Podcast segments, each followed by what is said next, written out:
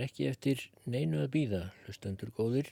Í þessum þætti ætla ég að lesa ykkur til skemmtunar tvær smásögur eftir Gabriel García Márquez, kolumbíska ritsnýtlingin sem heimsfrægur varð af bókinni 100 ára einsemt árið 1967. Hún kom út á íslensku 11 árum síðar og þarf ekki að orðlengja að hundrað ára einsemt er höfuð rít hins rómansk-ameríska töfraraunsægis sem svo hefur verið kallað. En Marquez skrifaði fleira og meðan hann var að slípa hefileika sína skrifaði hann nokkuð af smásögum og 1955 byrti hann söguna Dásamlegur dagur í lífi Baltasars. Það var fyrsta verk Marquez sem byrtist á íslensku nokkrum mánuðum áður en þýðing Guðbergs Bergsonar á 100 ára einsemt. Þá kom sagan í tímaritinu Svarta og Kvítu í þýðingu Erlu Sigurðardóttur. Sagan er svona. Fuglabúrið var loksins fullgert. Af gamlum vana hengdi Baltasarðað á þakskekkið Þegar hann lauk morgunverði sínum var allt talað að þetta væri fallegasta búri í heimi. Margir komu að skoða það, svo þyrping myndaðist fyrir framann húsið og varð Baltasar að fjarlæga búrið og loka trésmiðaverkstæðinu.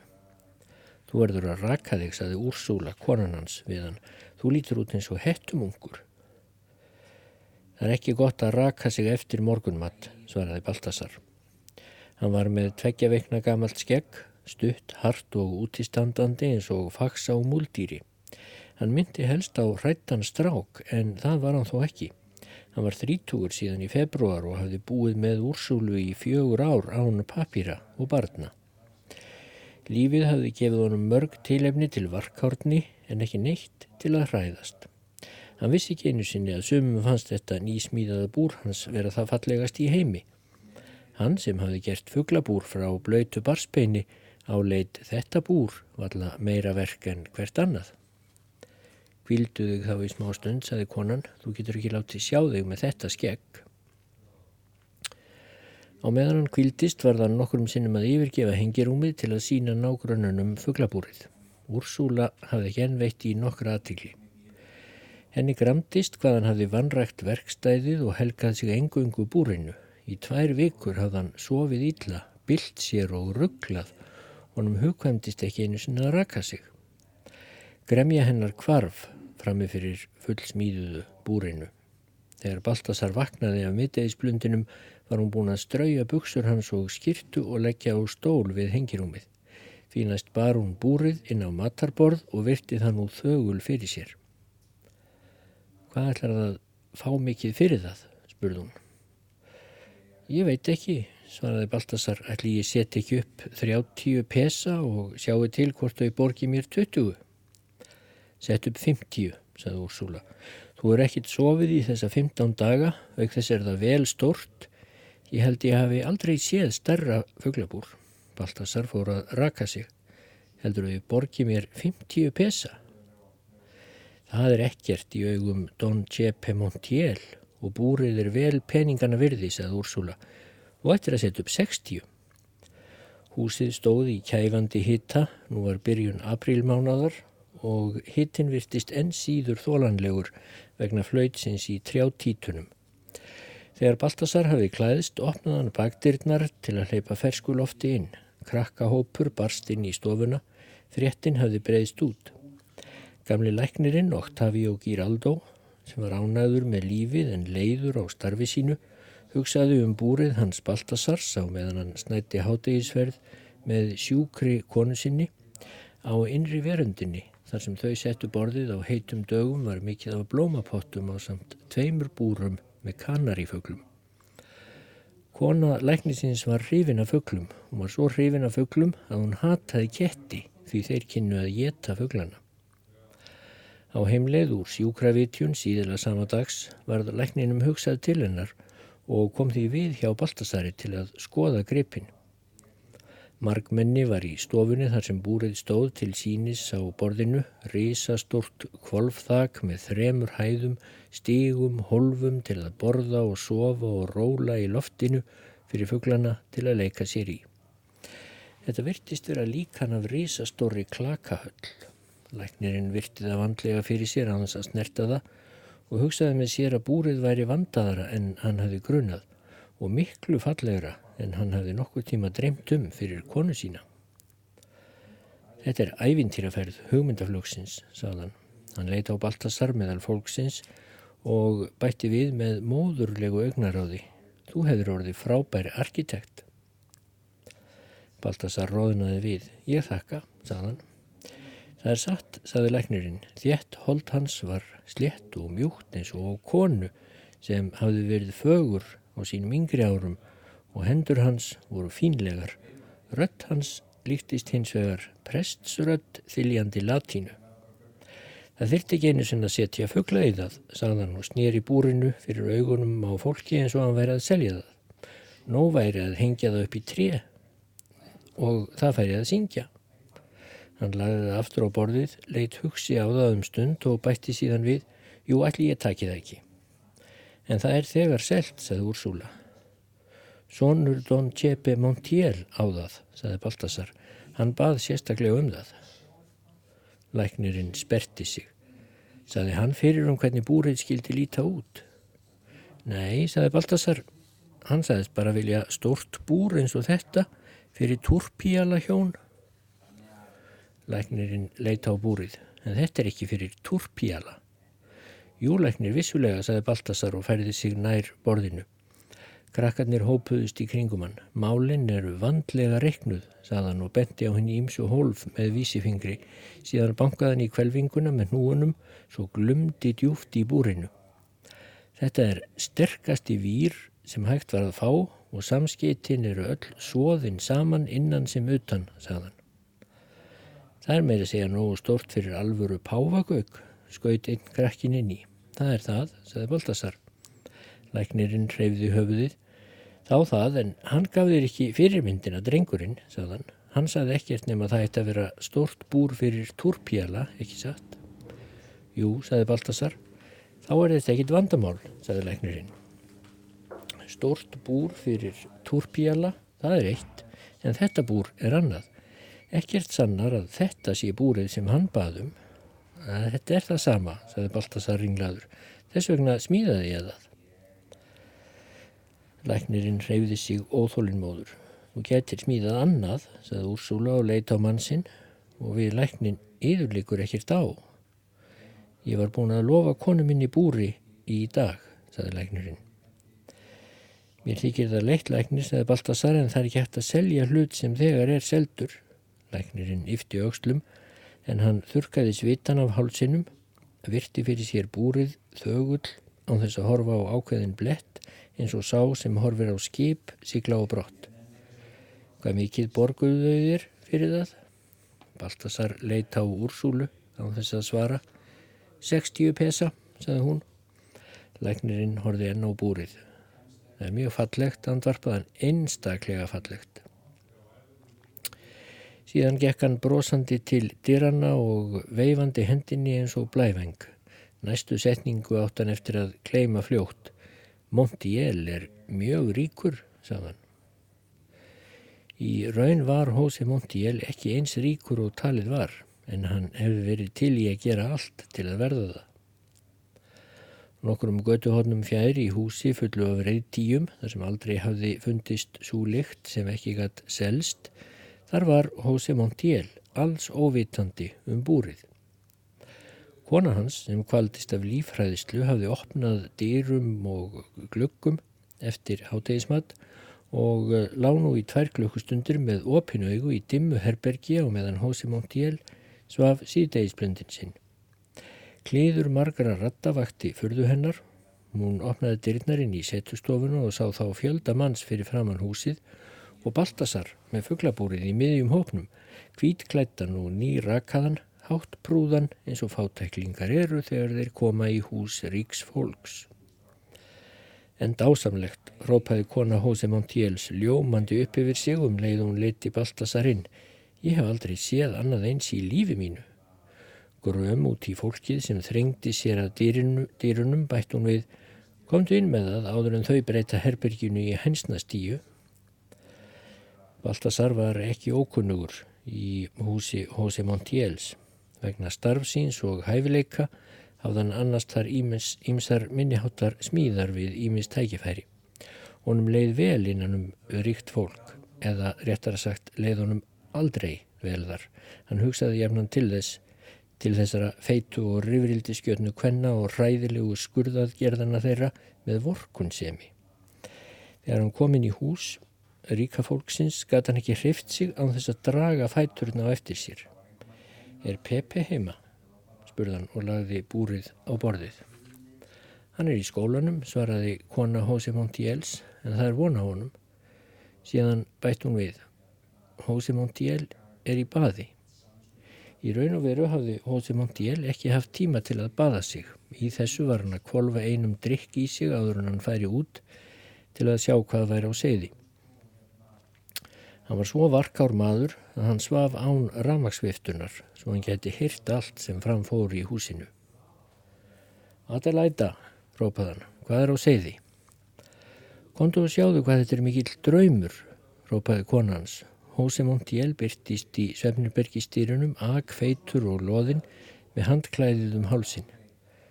Hvað er þetta? Fuglabúrið hans Pepe, sagði Baltasar. Konan leitt undrandi á hann, búr hvers. Hans Pepe endur tók Baltasar og sagði síðan við Hósi Montiel, það var Pepe sem bað mig að smíða það. Ekkert gerðist á þessu augnabliki en Baltasar leið eins og einhver hefði röðst inn á klósettið til hans. Hósi Montiel kom út á nærfötunum. Pepe, rópaðan. Hann er ekki komin, muldraði konan hans, reyfingarlaus. En nú byrtist Pepe í dýrunum.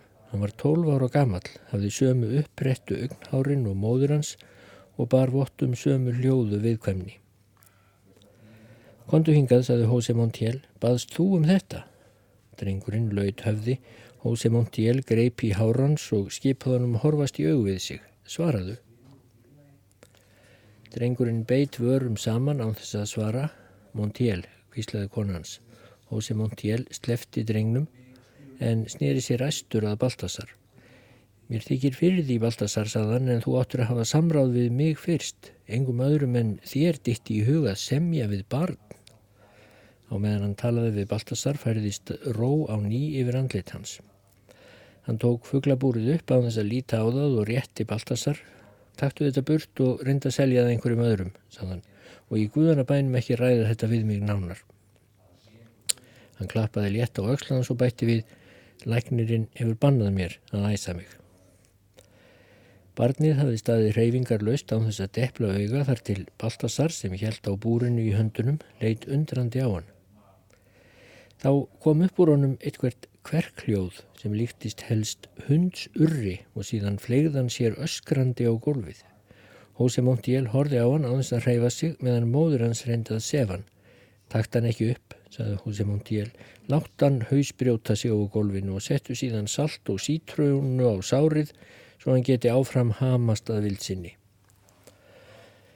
Drengurinn grenjaði tára löst á meðan móður hans helt honum í örmum sínum. Látt hann vera, skipaði Hósi Montiel áfram. Baltasar upplýði barnið eins og hann hefði upplýfað dauðakvalir óð stýrs. Klukkan var hann nálgast fjögur. Á þessari stundu raulaði Úrsúla gamall lag meðan hún skar lauk í húsi sínu. Pepe, saði Baltasar. Hann nálgaði strengin brosandi og rétti búrið að honum. Drengurinn stökk upp, greipum búrið sem var næstum í abstórt honum sjálfum og leita á Baltasar í gegnum výrin án þess að vita hvað hann ætti að segja. Hann hafði ekki felt eitt tár. Baltasar, saði Montiel látt, ég baði að fara með það. Skilaðu því, skipaði konan barninu. Egðu það, saði Baltasar og síðan við Montiel, til þess gerði ég það. Hósi Montiel fylgd honum inn í setustofuna, látti ekki eins og kjáni Baltasar, saðan og laði höndin á Öxlands, taktu búrið með þér heim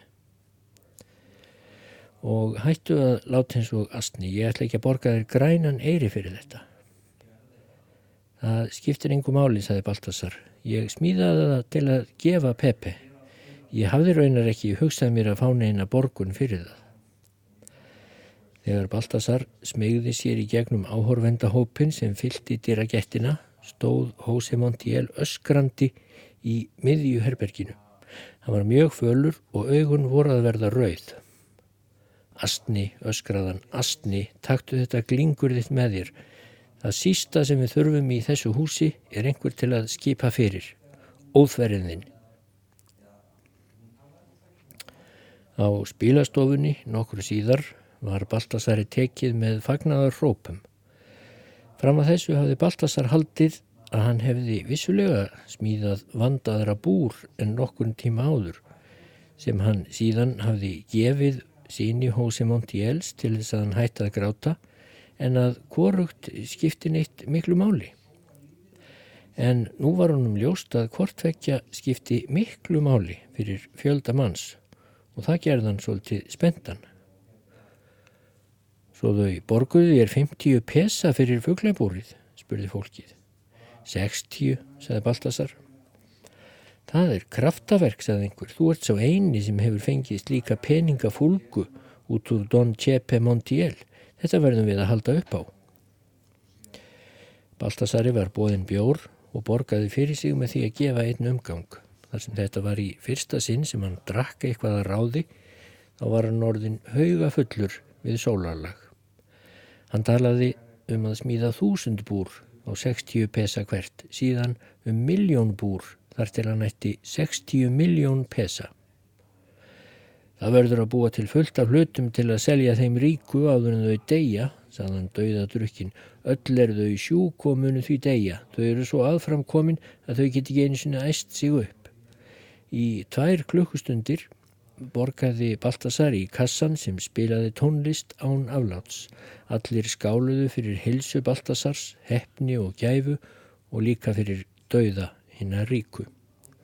En um kvöldmatarleitið yfirgáfuðu hann einan í spilastofunni. Úrsúla hafði beðið eftir honum til klukkan átta með steikt kjöt með laugsneiðum. Henni var sagt að maður hennar væri ofsa kátur á spilastofunni og byði öllum upp á bjór en því trúð hún ekki því Baltasar hafði aldrei drukkið sig fullan áður. Þegar hún háttaði á miðnætti var Baltasar enn í upplýstri spilastofunni þar sem fjöguramanna borð voru með stólum í kring, dansgolf var undir berum himni þar sem fugglar spíksporuðum. Andlit hans var rjótt og þar sem hann gæti ekki gengið þá datur mér hugað sig langaði til að hátta með tveimur konum í sömu sang. Hann var búin að eigða svo miklu að hann varða að skilja úrið sitt eftir sem tryggingu fyrir því að hann kemi næsta dag til að borga skuld sína. Stuttu síðar, þegar hann slagaði eftir göttunni, tók hann eftir því að skotnir hans voru hornir en hann vildi ekki vakna upp af hamingjuríkasta draumi lífsíns. Konur áleið til morgunmessu þorði ekki að líta á hann þar sem þær áleitan döðan. Yo me llamo cumbia, yo soy la reina, por donde voy. No hay una cadera que se esté quieta donde yo estoy. Mi piel es morena como los cueros de mi tambor y mis hombros son un par el sol.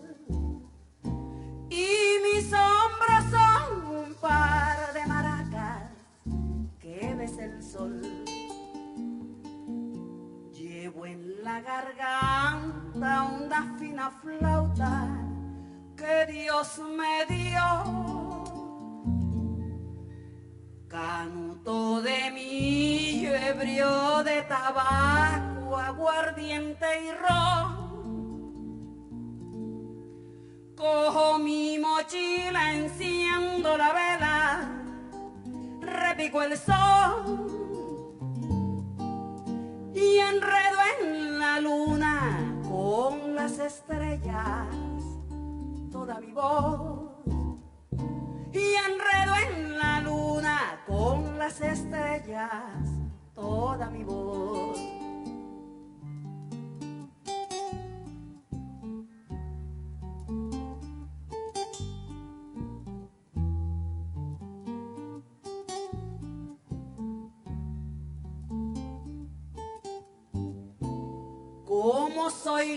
Reina, me hace la corte un fino violín.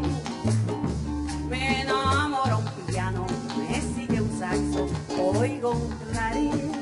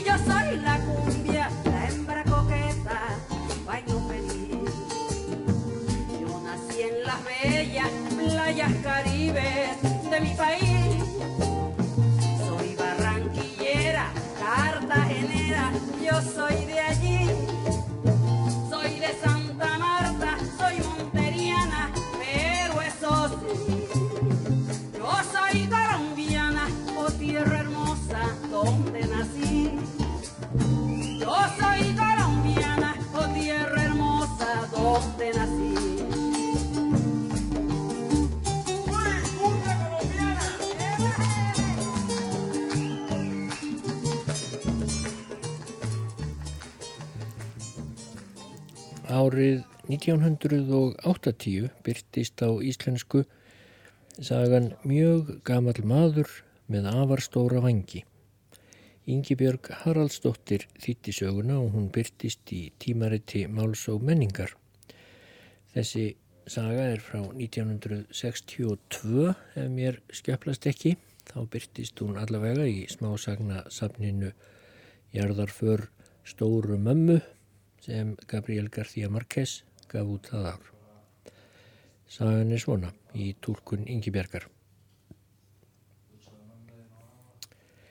Þriðja rigningardaginn var búið að drepa svo marga krabba í húsinu að Pelajó var að fara með þá yfir húsagarðin sem flætt hafði yfir og flegið þeim í sjóin vegna þess að nýfætta barnið hans hafði verið með hita um nóttina og menn helduð að stafa af stækjunni. Heimurinn hafði verið dapurlegur síðan á þriðju dag. Heiminn og haf runnu saman í ösku gráma og sandurinn á ströndinni sem í mars glóði sem ljóstuft var nú ein súpa af eðju og rottnuðum skeldýrum. Byrtan var svo döif á hátegi þegar Pelajó kom aftur heim eftir að hafa fleikt kröppunum að hann sávarla hvaða var sem hrefðist og emjaði í einu horni húsagarðsins.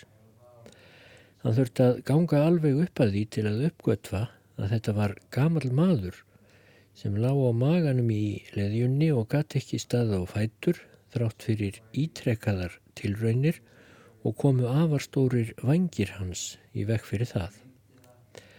Pelajó brá í brún við þessi ósköp og hljópað finna Elísendu konu sína sem var að setja bakstra og veika barni þeirra og fekk hana með sér út í gardshornið. Bæði horfðu þau á skrokkin fallna í þögulli fórundran. Hann var klættur eins og tötrakarl.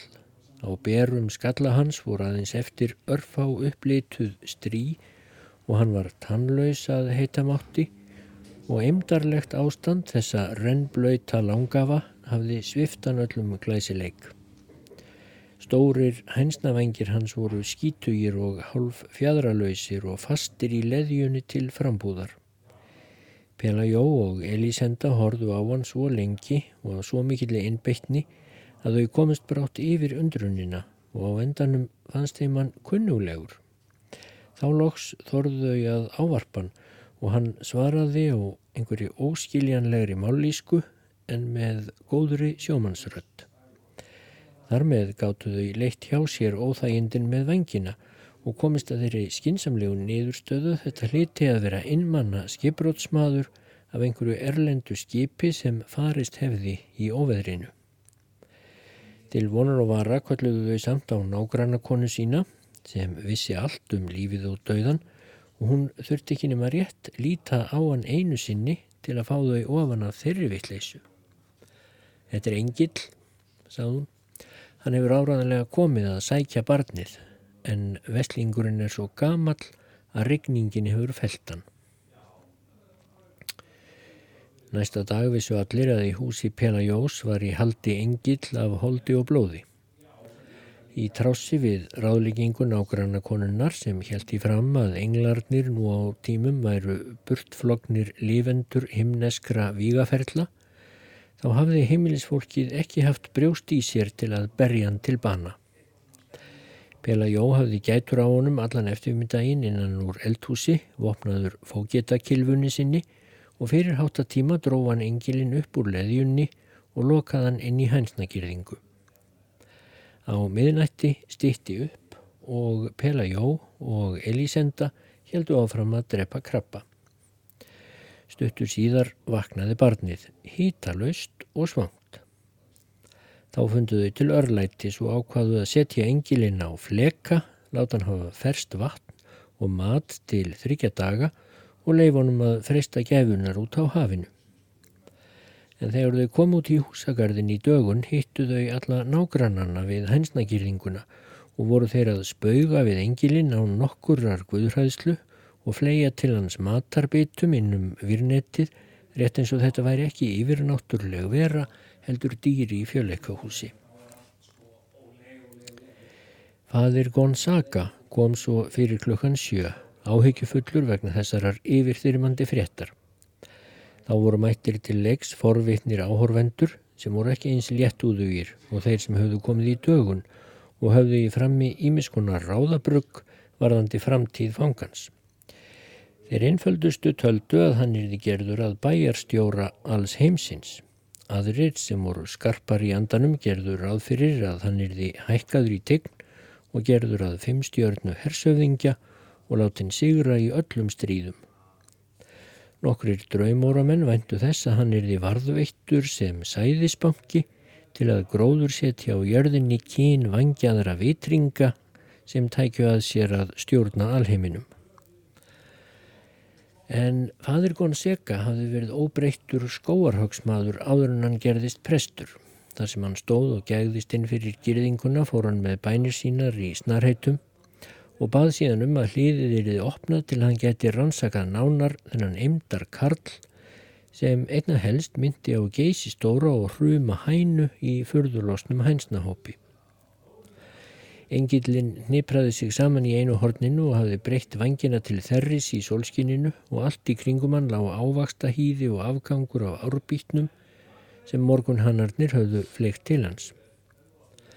Ónæmur fyrir átráðningi um heimsins leta hann við að sitja að gjóa upp fornlegum augum og tauta eitthvað á mállísku sinni þegar fadir Gonzaga kom inn í kyrðinguna og bauður um góðan dag á latínu. Fyrsta grunnsemdin vaknaði í huga pressins þegar hann sannreindi að engillin skildi ekki tungu Guðs og kunn ekki að helsa fulltrúum hans á latínu. Næst gaf hann því gaum að í návíi virtist engillin of mannlegur. Af honum lagði útivistarlikt, neðri hluti vangjana var þakin sníkjusveppum og stæstu fjadrirnar illa farnar af völdum jarðaneskra vinda og ekkert í emdarlegu fari hans var sambóðið virðingu engla. Þá fór presturinn út fyrir girðinguna og í stuttur í ræðu varaði hann hinn að forvittnu áhorvendur við hættum sem stafa af trúkirni. Hann myndi á þann slæma síði djöfulsins að grípa til skemmtibragða til að ruggla þá í rýminu sem ekki gættu að sér. Hann sagði að vangir væru ekki aðalatriðið þegar greina ætti milli spörhauks og flugvílar og því síður skiptu vangirnir máli þegar bera þyrti kennsla á engla en hann lofaði að skrifa biskupi sínum bref og byggði hann að skrifa annað bref til erkibiskupsins sem síðan skrifaði páfanum til þess að endanlegur úrskurður um málið kæmi frá hinnum æðsta domstól. Forsjálunni hans hlaut ekki hljómgrunn. Réttinn um engilinn fangna barst nú út með slíkum hraða að nokkru klukkustundum síðar myndi húsagarðurinn á markaðstorg og senda varð hersveit á vettvang með bissustingi til að hræða burt manngrúan, manngrúan sem var að því komin að eh, leggja húsið í rúst. Elisenda sem var næstum orðin baklaus af að sópa upp allt þetta markaðsrustl fekk þá góðu hugmynd að loka húsakarðinum og setja upp 5 centa gjald fyrir þá sem vildu sjá engilin. Forvitna dreif að allt frá Martiníku. Farandhópur fjöllistamanna kom og í hópnum var fljúandi loftfimleika maður sem flög suðandi yfir mannhafinu nokkra ringi en engin veitti honum aðtegli vegna þess að vangir hans voru ekki englavangir heldur leðurblökkuvangir. Ógefi sömustu sjúklingar frá Karibahavi komi í leitað helsubót. Vesul kona sem hafði frá barsaldri verið að telja hjartaslög sín og átt ekki lengur nógu háar tölur Jamaikabúi sem gæti ekki sofið fyrir háfaðanum í stjörnunum, svefngengill sem fór á fætur á nóttunni til að ónýta allt það sem hann hafi gert í vöku og margir aðrir sem voru ekki alveg eins langt litir. Mitt í þessum gauragangi sem svipaði til jarðskjálta voru Pelajó og Elisenda þreytt en hamingjusum vegna þess að á tæpri viku höfðu þau fyllt svefnubergin í húsi sínu af peningum og enn var byðröð pílakrýma sem vildu, eftir, sem vildu komast inn. Hún var svo laung að hún náði út fyrir sjóndeldarringin.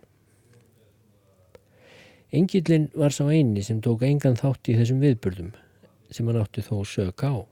Hann eitti tímanum í að reyna að koma sér sem best fyrir í þessu reyðri sem hann hafði fengið lánað og hafði mikil óþægindi að vítis hita oljulampana og kertana sem komið hafði verið fyrir á virnettinu. Í fyrstu var reynd að fá hann til að borða kamfóruglös sem nágranna konan Vitra hafði fyrir satt að væri aðal fæða engla. En kamfóru virt hann ekki viðlits, fremur en hann gerði sér að góðu það er pávalegu máltíðir sem yðrandi syndarar færðónum og hafði þó ekki bragðað á þeim og aldrei fegst úr því skorið hvort það var fyrir ellisakir eða af því hann var engill sem hann á endanum neytaði allir í fæðu annari en eggplöntu stöppu. Þólinnmæðin virtist vera eina yfirnáttúrlega digðin sem hann var getur. Engum var þólinnmæðin ábyrjandi í byrjun þegar hænurnar kroppuð í hann í leitað heiminbornum sníkjutýrum sem vangir hans voru fullir af og bæklaðir rifu af honum fjadrirnar til að snerta með þeim meinsemdir sínar og jáfnvel guðrættustu menn flegðu í hann grjóti til að hann stæða á fætur og þeir fengi að sjá hann uppréttan. Aðeins einu sinni sást honum þó bregða. Það var þegar hann var brennimertur á síðunni með járni sem annars var notað til að merkja kálfa og var það gert að því hann hafi verið reyfingarlaus og lengi eða menn held hann döðan.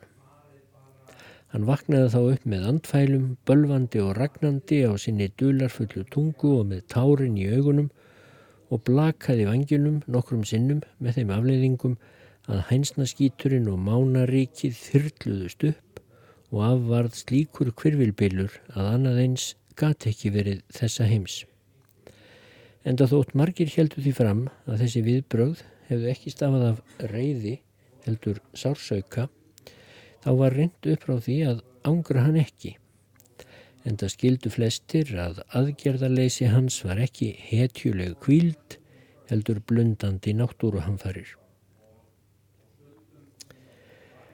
Fadir Gonseca mætti létt úð fjöldans með heimatilbúnum formúlum og meðan hann beigð eftir endanlegum dómi um eðli fangans. En pósturinn frá Róm hafði tapað flítiskíninu.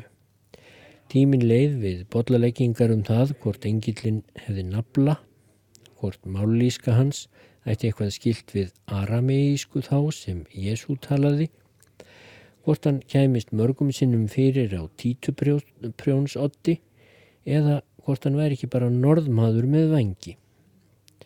Þessi smá sálarlegu skrif hefðu eflaust haldið áfram að berast á milli allt til enda veraldar ef ekki hefðu orðið atburður sem kom eins og himnasending og batt enda á raunir sóknarpressins.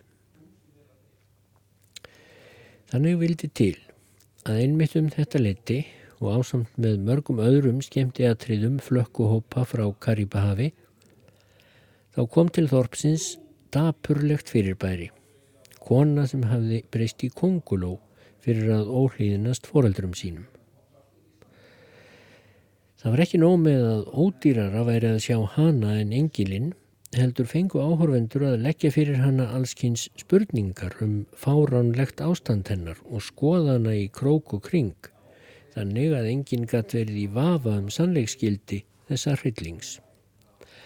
Þetta var óhugnanleg rísakonguló á stærð við söðkind með dapurlegt ungmegjar andlit.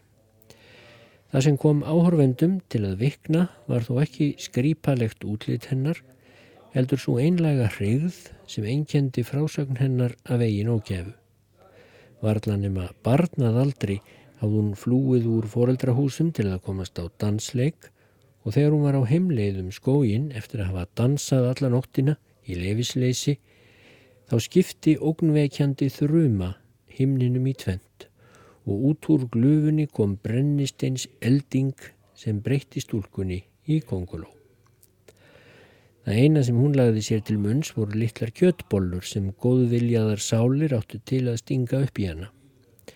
Annaðin sjónarspil, þrungið svo mannlegum sannleika og fílíkri hræðilegri viðvörun, laut óhjákvæmilega að reynast yfirsterkara hrókafullum engli sem ekki var meira en svo að virti döðlega menn viðlits. Þarfið bættist að þau fáu kraftaverk sem englinum voru kend báru vittni um ákveðinar geðveilur.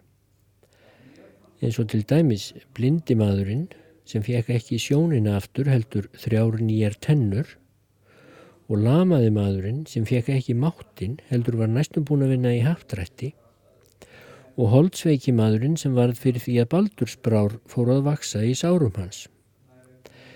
Þessi hugunarkraftaverk sem einna helst myndu á skammarstreik hafðu þegar grafið undan orðstýr engilsins þegar kongulóa konan kom til sögunar og gekk endanlega frá honum. Þannig læknaðist fadir Gonzaga í eitt skipti fyrir öll af svepleysinu og Garður Pelajós var aftur einmannalegur eins og hann var þegar ringdi í þrjá daga samfleitt og krabbarnir gengu um gólfi í Sefnirbergjunum. Húsræðundur þurftu ekki að kvarta. Fyrir peningana sem Pelajó og Elisenda höfðu sapnað byggðu þau tveggja hæða hús með svölum og görðum og á svo háum músteins stöppli að krabbarnir komist ekki inn á vetrum og með járnrimla fyrir gluggum til að englarnir get ekki sloppið þarinn. Bela Jó setti á stopn kanínubú rétt fyrir utan þorpið og sagði endanlega skilið við fókjetastarfið vanþakláta. Elisenda kefti sér háhælaða satinskó og marga gula silkikjóla eins og þá sem fínustu frúrnar klættust á sunnudögum á þessum árum. Það eina sem ekki var hreift við var hænsnagirðingin. Stundum var hún þvegin upp úr þvóttaefni og hænsnaskíturinn brendur en það var ekki til að þóknast englinum heldur til að bæja burt fílunni sem gekk ljósum logum um allt og var að breyta nýja húsinu í gamalt hreysi. Í byrjun þegar barnið var að læra að ganga þá var þess vendilega gætt að það kem ekki nálagt hænsnagirðingunni. En brátt glemtist óttin og fílan vandist og áður en barnið skipti um tennur hafði það tekið upp á því að leika sér í hænsnagirðingunni en það var virnetið rótið og niðurfallið á pörtum. Engillin var ekki síður ónátalegur við barnið en aðra döðlega menn en þóldi því þó hinn uppáttektar sömustu prakkarastryk af þeirri auðmíkt sem enginnir hunda þegar þeir hafa læknast af öllum blekkingum. Barnið og engillin vektust samtímis af hlaupabólunni. Læknirinn sem kom að skoða barnið stóðst ekki freystinguna að hlusta engillin um leið og heyrði þá slík andvörp í hjartanu og því líkan háfaða í nýrunum að honum fannst með ólíkindum að sjúklingurinn væri enn í tölu lifenda. Það sem vakti samt mesta förðu hans var rökfræði vangjana.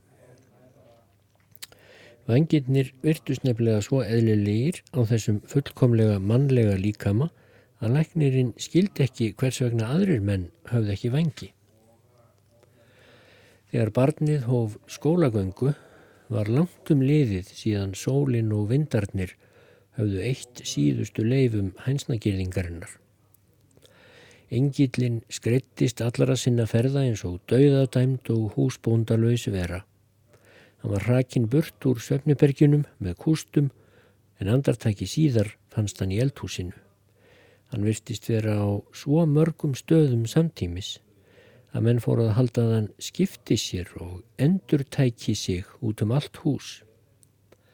Full örvæntingar rópaði Elísenda að það væri meiri ólökkan að lifa í þessu víti fullu af englum. Engillin gæti valla borðað, fornlegu augu hans voru orðin svo skíuð að hann gekk rasandi um allt og eftir voru örfáir berir stubbar.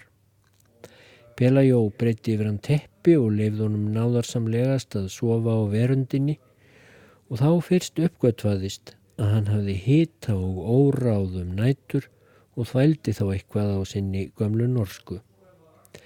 Aldrei þessu vant hafðu hjónin áhyggjur vegna þess að þau heldu að hann færi að deyja og enginn, ekki einu sinni nákvæmna konan vitra, hafði geta sagt þeim hvað þetta gera við dauða engla. En það var ekki nóg með að engillin livði af sinn versta vetur, heldur virtist hann færast í aukana fyrstu sólskinstagana. Dögum saman kurðan reyfingar laus út í fjärsta garðshorninu þar sem enginn gatt séðan og í byrjun desember fóru að vaksa á vangjum hans stórar og stinnar fjadrir eins og á öldruðu stórfikli og myndu helst á enn eitt rörnunarslýsið. Sjálfur lítur hann að hafa vitað ástæðuna því hann reyndi að gæta þess vandlega að enginn tæki eftir þessu og að enginn hyrði sjómanasöngvana sem hann raulaði stundum undir stjörnubjörtum himni. Einn morgunin þegar Elisenda var að skera nýður lauk fyrir hátegisverðin þegar vindsveipur þautinn í húsið og virtist koma utan af hafi þá leit hún út um gluggan og varð vittni að fyrstu flug tilraunum engilsins. Þessar tilraunir voru svo klauðalegar að hann opnaði plókfar með nöglunum í grasið og var næri búin að brjóta nýður verundina með óglæsilegum vangjatökum sem runnu til í byrtunni og fundu enga handfestu í loftinu. Samt tókstónum að komast á loft. Elísenda varp öndinni léttar, bæði sínvegna og hans og hún sá hann fljúa yfir istu húsin og halda sér á lofti með glannalegu vangjablaki og myndi helst á aldraðan hrækam. Hún fylgd honum eftir með augunum, meðan hún skar laukin og helt áfram að horfa á hann. Allt þar til ekki var lengur hugsanlegt að hún sæ hann vegna þess að þá var hann hættur að vera tröflun í lífi hennar og orðin að ímynduðum punkti á sjóndeldarhingnum.